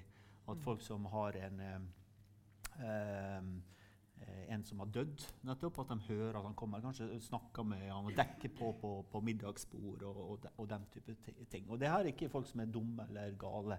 Det er si, vanlige, vanlige folk. Og jeg, jeg tror at grunnen til at folk gjør det, bare for å ta på meg den vitenskapelige hatten, er fordi man, måte, man har i hjernen sin så har man strukturer. Man er vant til at klokka halv fire så kommer en inn der, og man er vant til å forbinde det med den lyden og det assosiasjonen i hjernen og alt mulig sånt. Og, og vi, apropos psykose, da, Uh, som er et helt annet tema. Men det er jo ikke, altså folk som er psykotiske, når de hører stemme, så kan du se at inni hjernen deres altså Jeg kan ikke se inni hjernen deres, men altså hvis vi har sånn bildediagnostikk, så kan, kan du se at det er eh, blomstra opp i det området som om man faktisk hører ting. Så man kan liksom ikke skille eh, Det som skjer i hjernen, skjer i hjernen. Uansett om det skjer fysisk utafor, eller om du bare har en assosiasjon. For eksempel. Jeg er sikker på at flere av dere kan for begynne å fantasere seksuelt nå, og så får dere ereksjon. Hvis dere er menn, da. Ikke. Ikke jeg. Nei. Og, og, og det, det vil jo være fordi man får et bilde i hodet sitt om hva som skal skje. Det er jo ikke en ekte person foran deg.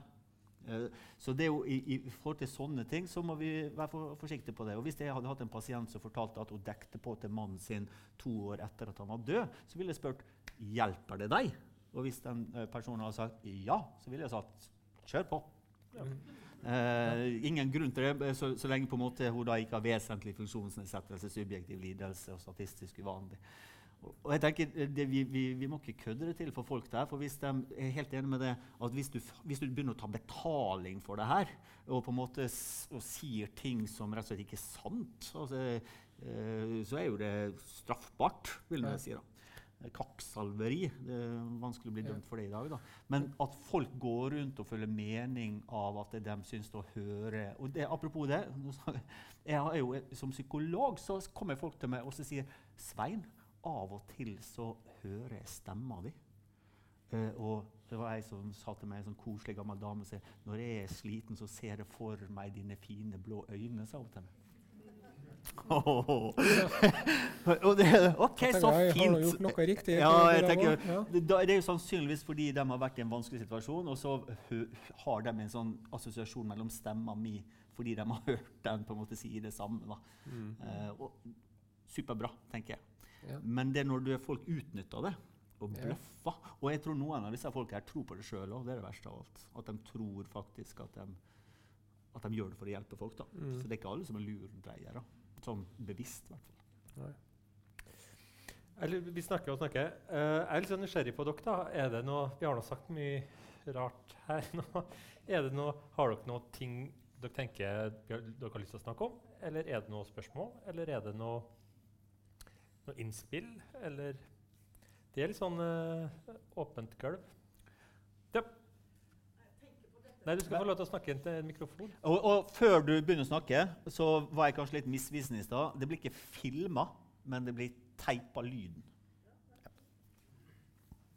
Takk. Nei, det var et sånn kort spørsmål. For at dette med forutanelse Mm. kan man jo ha, og selv om på en måte du hevder at det kan være noe som foregår inni hodet. Mm. Så dyr har jo forutanelse.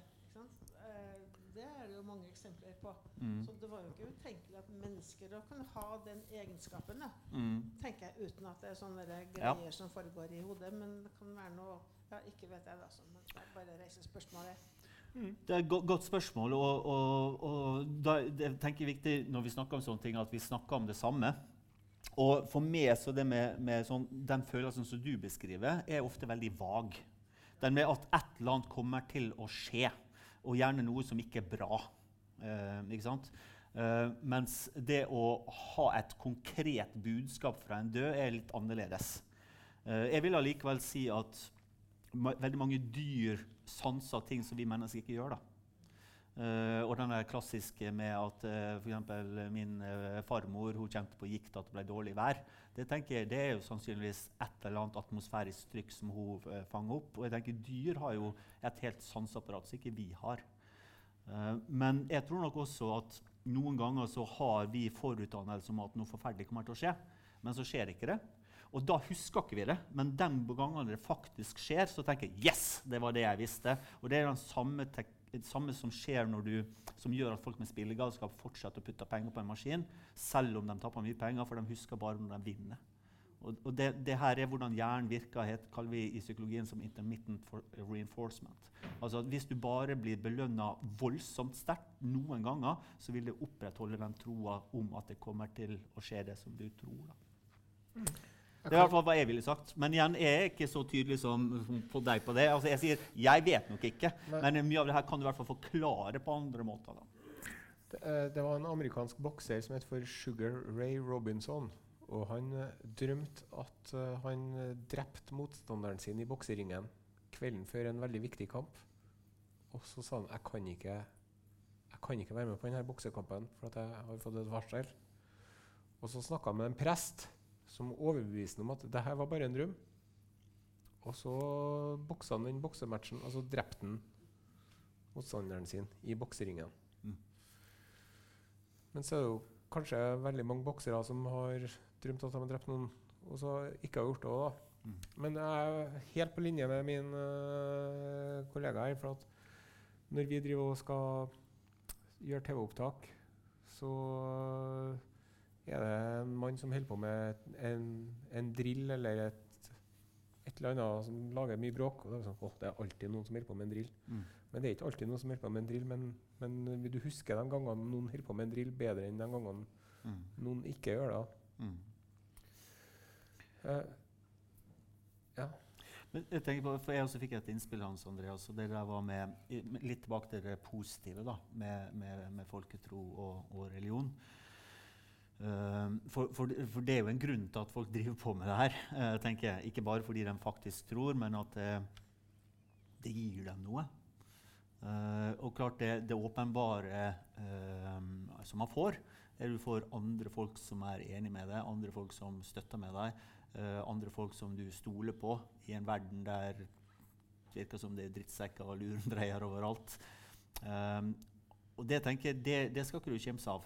Um, og, og, og jeg tenker at det vi også vet, er jo f.eks. når jeg er i, i fengsel, så ser vi at det er folk som kanskje ikke er så religiøse, men så kommer de i fengsel, så blir de mer religiøse. Og jeg mener du også har sagt det Hans Andreas at med krig gjør også at folk blir mer religiøse. Og jeg husker en gang jeg hadde to, øh, to foreldre som kom til meg. Uh, lurer på om jeg fortalte det her i en annen podkast. Men i hvert fall, uh, dattera deres øh, var, var pittli- jeg jeg tre år gammel, og de fikk vite at hun kom til å dø i kreft. Og begge to var muslimer. men de var tilhørte forskjellige subtyper, skulle jeg si. Eh, men i hvert fall begge to fikk støtte av eh, religionen sin eh, i utgangspunktet. da. Mm. Fordi eh, det sto slik at det, eh, skjebnen er skrevet i, i Guds bok før du ble født. Så du kan ikke gjøre noe for å endre det. Mm. Du må bare akseptere det. For meg så høres det helt forferdelig ut, men for dem så var det støttende i den situasjonen der. Slik at I en sånn situasjon så er det klart at det man, man da vil oppleve den religionen som støttende. Og jeg tenker sunn, da. Så vet vi ikke hva som skjer hvis man da får en god periode. eh, men, men fall, det ser ut som at folk i hvert fall blir mer religiøse i motgang. eh, og at eh, f.eks. I, i fengsel så er det massevis av folk som plutselig da må ha sin religionsmat, eksempel, som aldri har tenkt på det før de kommer inn til soning. Mm. Jo, øh, og det er forskning på det. Um, det. Det var noen en gjeng som hadde vært i en sånn liten by helt nord i Russland. Og så sjekka hvor mange er det som liksom definerer seg sjøl som, som troende da, eller, eller kristne der. Og det var sånn 20% som sa det at de, de trodde på Gud. Mm. Og så, året etterpå, så kom det, ble hele den landsbyen oversvømt. For det var noen elver som gikk feil vei. Det var, ikke noe, måte- det var noe is, og det her var langt oppi i nord. da. Poenget mitt var bare det at, Og så dro de til samme gjengen tilbake. Hvor mange er det som er religiøse nå? Da var det 80 Så det hadde snudd helt rundt. da. Mm. Uh, og det vi ser er det at altså, Jeg jo en, eller har jobba en del med enslige mindreårige flyktninger. Både fra Syria, Afghanistan, Somalia. Og det, vi har, det jeg opplever, da, er jo det at det er folk som kanskje ikke altså De er religiøse, men de har ikke sånn aktivt forhold til sin tro i hjemlandet. Kommer til Norge, og så ser vi dem bli veldig religiøse. Altså, hva, hva som skjedde her, tenker jeg da? Eh, og min teori på det er jo det at de kommer til Norge. Det er et system de ikke kjenner. Uh, det er folk de ikke kjenner, det, det er et språk de ikke kjenner. Og det er egentlig ganske uoversiktlig og vanskelig å forholde seg til når man kommer veldig sånn ferskt inn eh, i vårt system. Og hva gjør de? Jo, da, da kan de begynne å forholde seg til f.eks. en gud som har veldig tydelige regler. Hvis du oppfører deg sånn, hvis du spiser sånn, og hvis du faster sånn, og så, videre, så vil det gå deg godt. Og da plutselig så har de noe å holde i. Mm. Ja, og så I tillegg så kommer de jo antageligvis da i et miljø hvor det kanskje er en, i dette tilfellet en moské, hvor de treffer likesinnede Mm. og blir godt mottatt. Og jeg har jo vært i eh, to moskeer, og de var så glad når de så meg, for de trodde jeg var en konvertitt. Ja. Så jeg ble jo tatt imot med åpne armer og fikk klem, og det var kjempegod stemning. Og sånn, hvis man forestiller seg at man skal i en moské, så ser man for seg litt sånn turbanfolk med selvmordsbelter. Sånn. det var ikke sånn i hele tatt. Det var skikkelig topp stemning og masse hyggelige folk. Rolige, sindige, hyggelige folk. Som, som det var liksom litt sånn, sånn Mm. Det var kjempegod stemning. Og det, det er noe som jeg har sett uh, når jeg har besøkt uh, religiøse folk, så er at, at det handler om Altså, en av eh, plussidene ved å være religiøs da, det er jo at, at det, man har en følelse av tilhørighet. sant? Mm. Man eh, møter likesinnede, og, og man har et felles mål. Og man, eh, man eh, føler at man er på et lag. da. Og det er jo noe som det er lite av i vårt samfunn. Mm. Eh, sånne, sånne små kjernefamilier som vi har, og sånn, så kan man ofte være litt sånn ensom i det store samfunnet.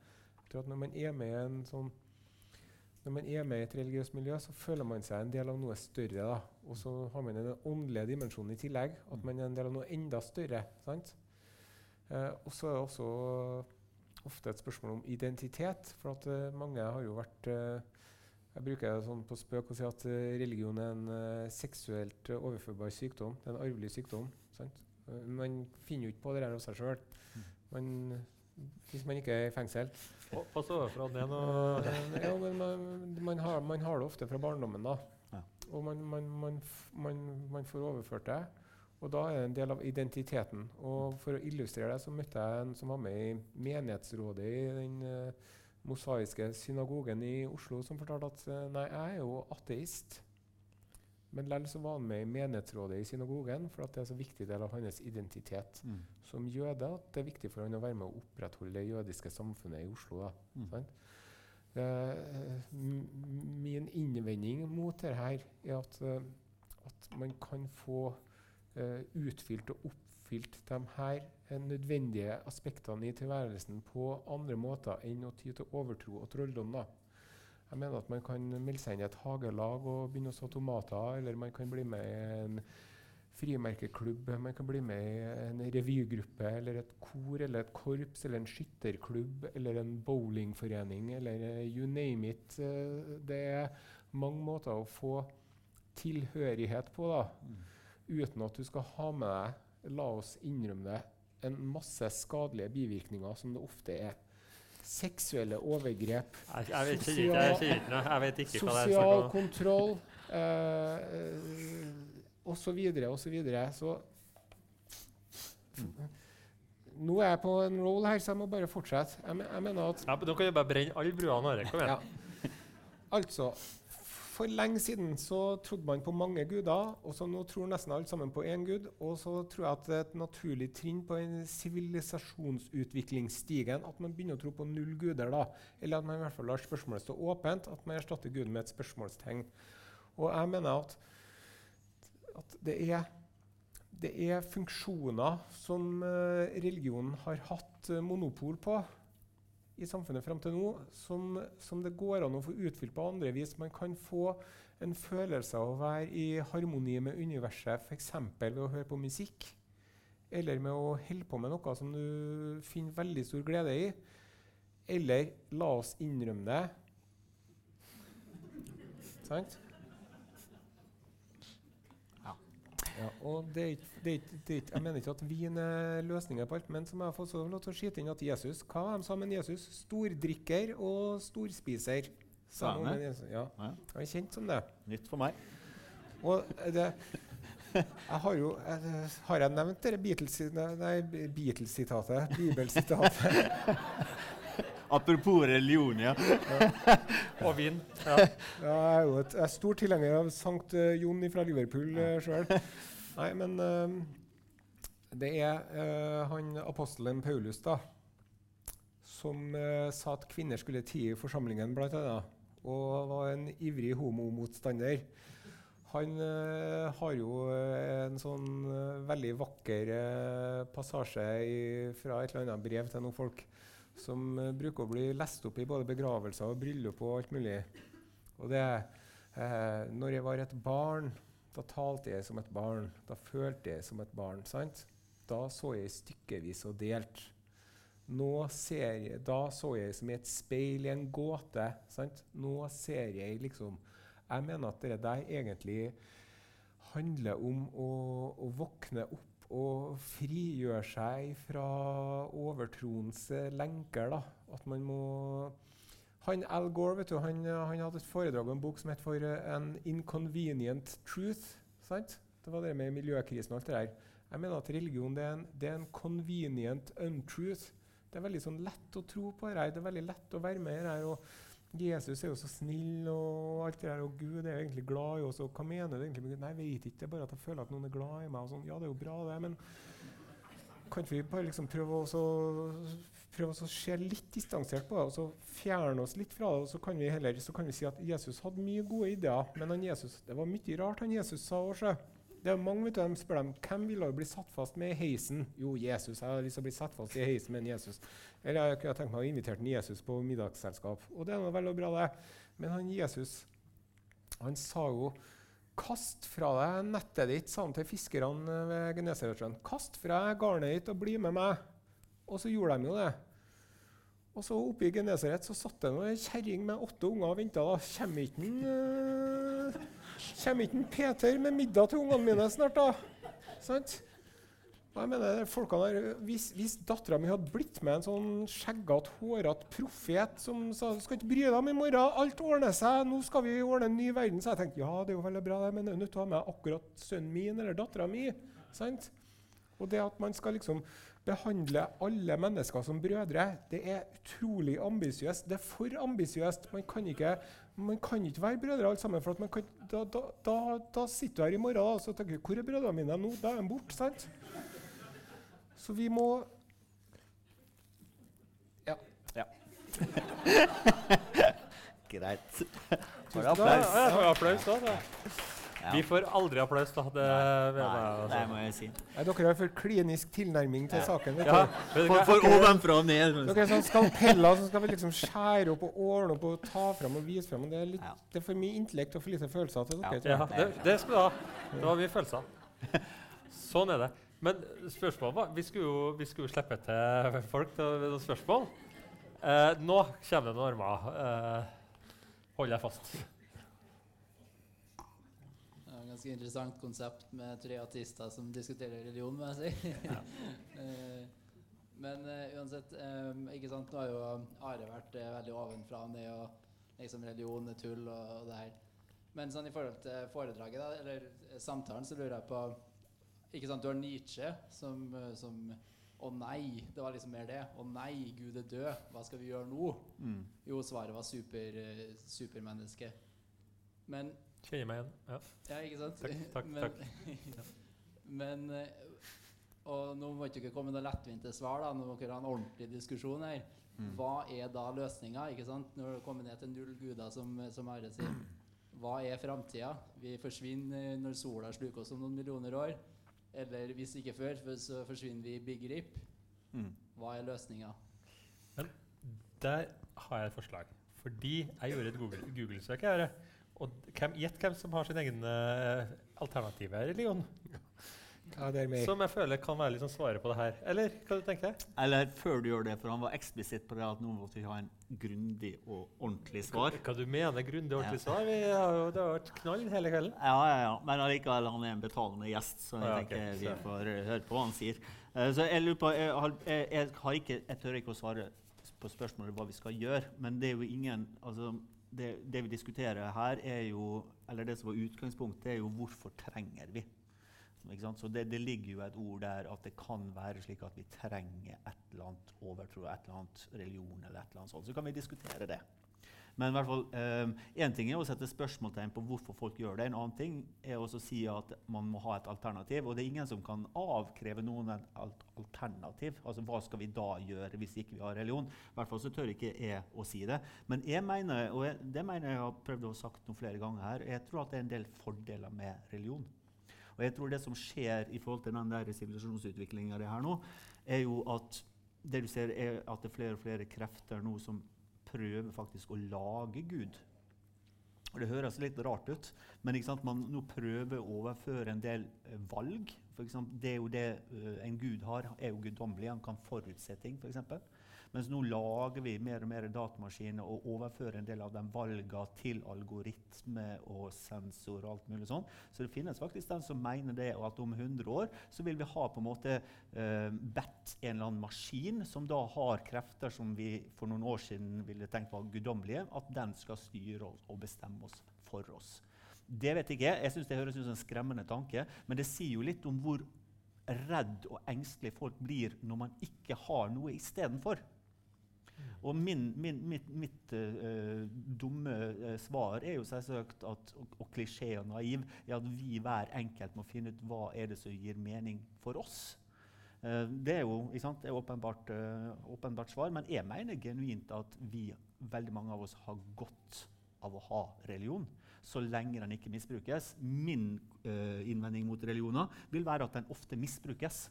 Så hvis noen på en måte kunne signe opp en sånn avtale jeg skal være religiøs, men jeg skal aldri påtvinge folk min religion, og jeg skal aldri gå til krig eh, på bakgrunn av min religion, så hadde jeg vært langt mer positivt. Og jeg var i Bangladesh nylig på jobb. og Der satt det en hel haug med folk som både var kristne og hinduer og forskjellige muslimske troer. og de på en måte sier nå må jeg gå ut, for nå skal jeg be. Og så sier han ja, nå er det min tur. Hinduene også har sånn bønneritualer. Og Det fungerte strålende. Og i Bangladesh så er det fattigdom og faenskap. Og jeg er helt sikker på at den religionen der, i hvert fall på den gjengen som satt der, da, eh, gjorde at folk samarbeidet mye bedre. Mm. Mitt innspill er jo også Det var det kliniske blikket. da. ja, ja, ja. Jo. Jeg tenker, jeg tenker det der med, med Jeg blir også litt sånn opptatt av hvorfor har vi religion. Mm. Eh, og en litt sånn, igjen da, litt klinisk uh, tanke rundt det. Jeg hadde, når jeg var i København, så hadde jeg en, eh, det var en sexolog, muslimsk sexolog, uh, som jeg hadde en del forelesninger av. Og hun snakka om at det er veldig mye som, som altså Det er en god grunn da, til veldig mye rundt religion. Eksempel så sa hun det at i Midtøsten sånn på 600-tallet så var ah, det var utrolig mye kriger. Og i de krigene så gikk det med mye menn. Sånn at på et tidspunkt der så var det veldig veldig mange damer, få menn.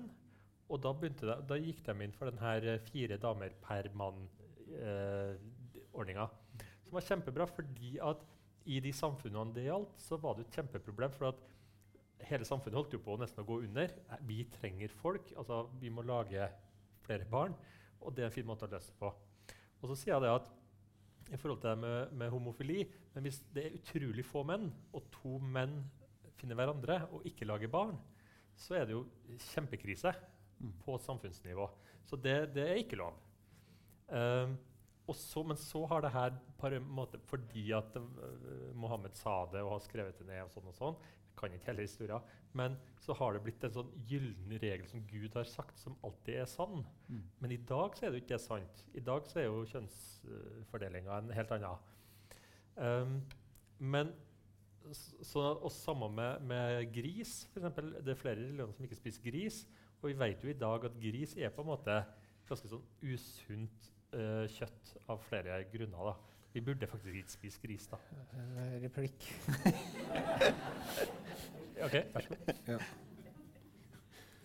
Eh, mens jeg, nå har jeg jo allerede Jeg, driver, jeg klatrer lenger og lenger opp på gardintrappa mi her nå i forhold til det ovenfra og ned-greier. da. Men, men uh, jeg, syns jo det er litt sånn uh, eh, artig å høre om en muslimsk sexolog, og at det var en kvinne, da. Ja. eh, som Jordmor. jo opererer innenfor et uh, system som egentlig ikke anser uh, denne personen som et fullverdig menneske. Men hun gjør noe så godt hun kan og prøver å dra det inn i sitt århundre.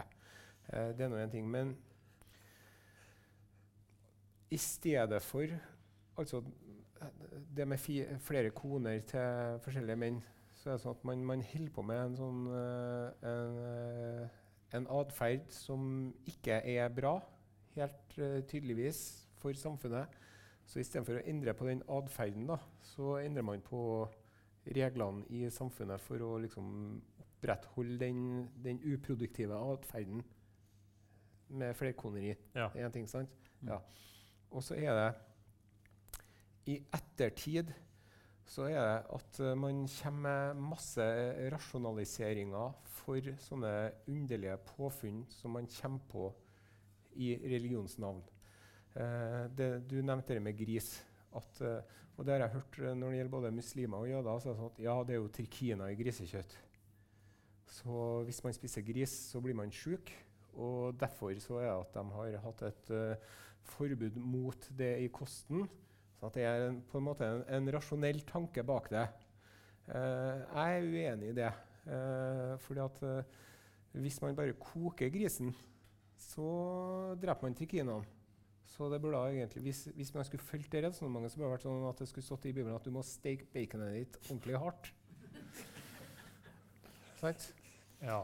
Um, det er en uh, sosiolog som jeg ikke kommer på navnet på, som uh, lanserte uh, en teori som heter 'matter out of place'. Jeg vet ikke om dere kjenner til det? Nei. Det er det at uh, hår på et uh, kvinn, langt, Ja. vakkert hår på et kvinnehode er en vakker ting. Hår på et såpestykke er ikke så, eller i suppa er ikke noe bra. Så det kommer an på hvor ting er. Mm. sant? Og om det er symmetrisk, Om det er symmetrisk, partall partall etc. Og så er det en sånn eh, menneskelig grunnleggende egenskap i å drive og klassifisere ting. Vi sier at det, det, veggen her er grønn, sant? og et tre er grønt. Vi har en idé om hva som er grønt. Vi har en idé om ting som er trær. Nå blir jeg veldig svevende kanskje her, men Det blir veldig overfra ned. Nei, nå heter det. Mary Douglas, så folk Ja. kan søke det på nettet. Ja, Ja. eh, men eh, det, det med omskjæring eh, Forkjempere for omskjæring sier at omskjæring av, eh, av forhuden til, til menn eh, minsker sjansene for livmorskreft iblant damer. Jeg tror ikke at eh, jødene i Israel for eh, 3000 år siden hadde noe statistisk signifikant materiale å uttale seg om det på. Men Ja. for å, eh, hvis vi snur litt på det, da. Eh, nå var jeg i, i London eh, før jul. Og der eh, har de det i, i en plass etter Kingston så har de en sånn eh, community center. Så jeg var innom der, eh, og der hadde de da først samling for kvekere. Som jeg syns Kveker for meg var bare noe som jeg har sett på frokostpakken. Men du har kanskje vært og snakka med kvekere? Nei, også? ikke ennå. Ah, skal jeg fortelle dem? Nei, ja. men, men i hvert fall da, eh, jeg gikk inn der, og, og det de gjorde, de satt i et rom, og de kalte det for vente. De sa ingenting. Av og til så reiste det opp en person og så sa et eller annet som han hadde lyst til å snakke. For meg så ligna det veldig mye for mindfulness. da. Ja. Og så satt vi der i to timer og var ferdig med det. Og så rett etterpå så var det buddhistisk eh, meditasjon. Så jeg ble nå bare sittende.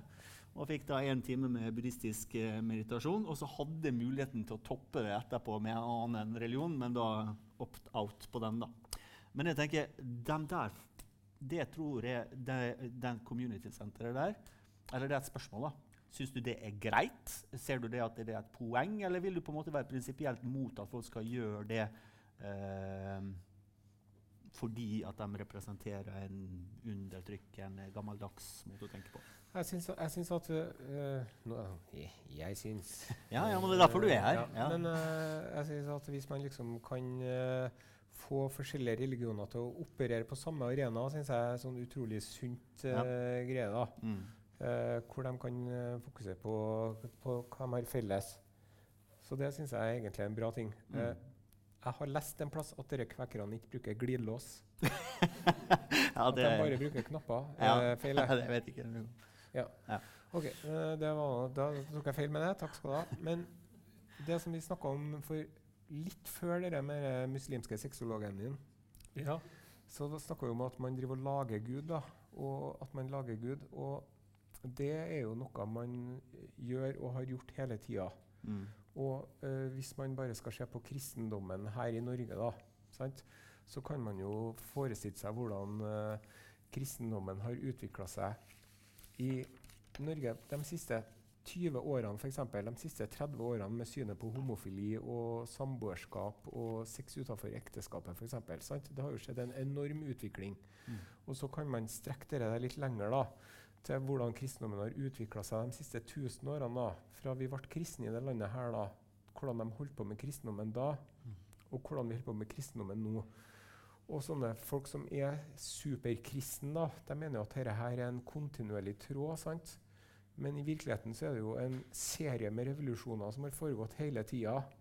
Og det er jo også verdt å notere seg at denne, når jeg var på skolen, da, så lærte vi å be Fader vår. sant? Og det var jo en bønn som en Jesus Kristus lærte til disiplene sine rett før de spikra den opp. Så lærte de denne bønnen her, og den lærte vi oss alle sammen. Og eh, også, den, selve den bønnen har jo endra seg fra jeg lærte den første gangen og til hvordan de sier nå. For det, det er ikke sånn hellighet, vorde ditt navn' og alt det der. Men det som er interessant, er at katolikkene har jo en, de har ikke med det 'for riket er ditt og makten og æren i evighet'. Det er noe som bare vi protestanter sier. For katolikkene sier ikke det. For den siste setningen der, det var det Henrik den 8. som fikk lagt til Fader vår fordi at han skulle skille seg den gangen. Så det er liksom sånn OK, men hva, var det en Jesus som sa det, eller sa han det ikke? Og kan vi kan ikke vi bare være enige om at dette er et sånt vakkert eventyr? da? Og at det er mye å lære om det, på samme måte som at vi kan lære av sagn og gresk mytologi og norrøn mytologi og eventyr og Askeladden Hvordan hadde det gått med en Askeladden hvis han ikke hadde hatt disse hjelperne? og Han som spiste gråstein, og det går an å bruke det òg i eh, livet sitt vel så mye som alle de tingene der. da. Så jeg mener ikke jeg mener jeg men, I religioner så er det århundrer og noen i tilfeller årtusener med visdom og klokskap og fundamentale sannheter om mennesker som sier noe om hvordan det er å være menneske. Men man kan ikke si at det her er liksom sannheten, og det er Guds lov Guds ord. Det må vi jeg mener at vi må liksom det, vi, må distans, vi, må, vi må distansere oss ifra det her, og så må vi skjønne at, at, vi, at vi må jo lage virkeligheten vår, og det gjør vi jo òg. Men vi må, vi må liksom Og det, det er sånn Hvordan skal man gjøre det? Og det, For det, det var spørsmålet du fikk Ja. der, og det er svaret ditt, egentlig. det er svaret mitt. Eh, at du må lage din egen Ja, og vi er nødt til å Og så er det sånn at det, nå har vi kommet dit at det er menneskets lov må stå høyere enn Guds lov. da. Sånn at hvis man er en mann som er glad i en annen mann, så, så har vi menneskene bestemt at det er greit. Sant? Og det er jo litt pussig at i Bibelen så står ikke en eneste plass om det med at ei dame er glad i en annen dame. For at dere damene dere har ikke noe, har ikke noe følelse av den veien, dere. Dere bare gjør det dere får beskjed om. Sant? Alle religioner er jo kvinnefiendtlige i utgangspunktet. Så at, eh, at, at det fins en kvinne som tror på Gud i en, hele verden, er egentlig et mysterium. Det er greit for oss menn, for at vi er jo sånn Hei, her kommer jeg, og nå skal jeg pulings, og du skal gjøre som jeg sier, og jeg er sjefen, og jeg er overhodet familien, og du skal, jeg er Guds stedfortreder på jord, og sånn. Og dårlig karma. Har de dårlig karma har de òg. Ikke sant? Um, hvem ville tro at det var denne veien her showet skulle ta? Jeg, jeg ser på klokka. Um, Blir ikke bedt tilbake igjen, eh, skjønner jeg, men eh, sånn at eh, det. Det var jo ålreit. ja. Hvordan har dere hatt det? Har det vært, eh, er, er dere krenka? Nei, det går bra. Det er en som er veldig fan der nede. Ja, eh, eh, ja men det er supert. Er det, har dere syntes det har vært ålreit? Det har vært litt fjas. Det har vært litt uh, ordentlig diskusjon rundt det.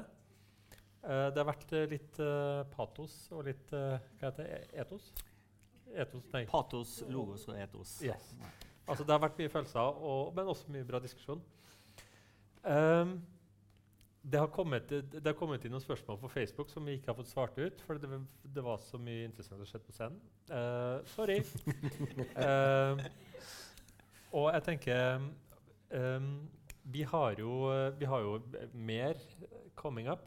Vi har psykose. Det er den 26. februar. Da er det når ulven kommer, psykose. Da, Svein, Mm. er ikke jeg med. Vet du det? Hæ? hva?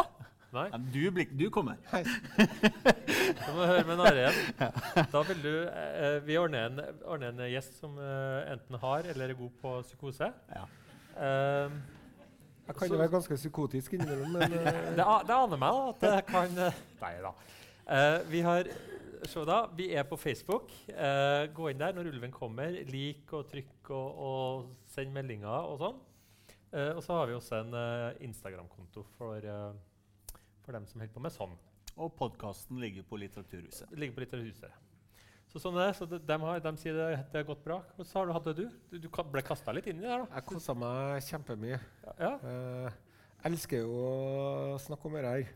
Og dosere og legge ut. Og sa jo innledningsvis at jeg ikke er ute etter å omvende folk til mitt uh, dystre ståsted, men jeg er jo egentlig litt ute etter å gjøre det.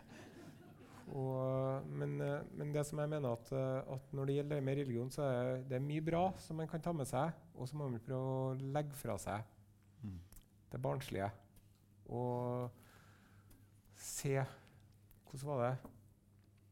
Uh, i bjelken i ditt eget uh, Ja, øye like mye som splinten i den annens. Og uten kjærlighet, liksom. Ja. Størst av alt er kjærligheten. En Ja. ringende bjelle eller en rullende tønne, eller hvordan det var. Det var klokord uh, til, til sist. Jeg tror vi, vi, uh, vi må nesten uh, kutte av der. Uh, håper vi ses igjen. Eh, ta med en venn neste gang, og så Og, og det er lov å foreslå tema. Ja. Bare så det er sagt. Det er derfor vi eh, på en måte har snakket om dagens tema. Og det der med å komme hjem til dere, det var ikke tull. Det gjør vi gjerne. Så hvis noen av dere har lyst på besøk, så inviter oss. Da må dere ha noen, i hvert fall mer enn én venn til stede, riktignok. Ja. Og noen saltstenger og noen saltstenger kan være greit. det. Det, jeg syns du skal bli med, Her. Hvor artig hadde det ikke vært? da? Og så syns jeg egentlig at eh, jeg er jo litt sånn Trenger vi å spørre, da? Hvis de er hjemme, så er de hjemme. liksom. da. Så går vi da bare inn og setter oss. Det hadde vært uh, Her er vi. Her er vi. Nå skal vi snakke om religion. Snakker religion. Hvordan er det med dere? Og så, og så kjører vi hardt på, og så starter vi det. Hva i all verden er det som skjer med Helt sant. Eh, gleder oss til å se dere igjen. Dette har vært artig i hvert fall. Snakkes. Takk for oss. Takk til Ha Are. det bra.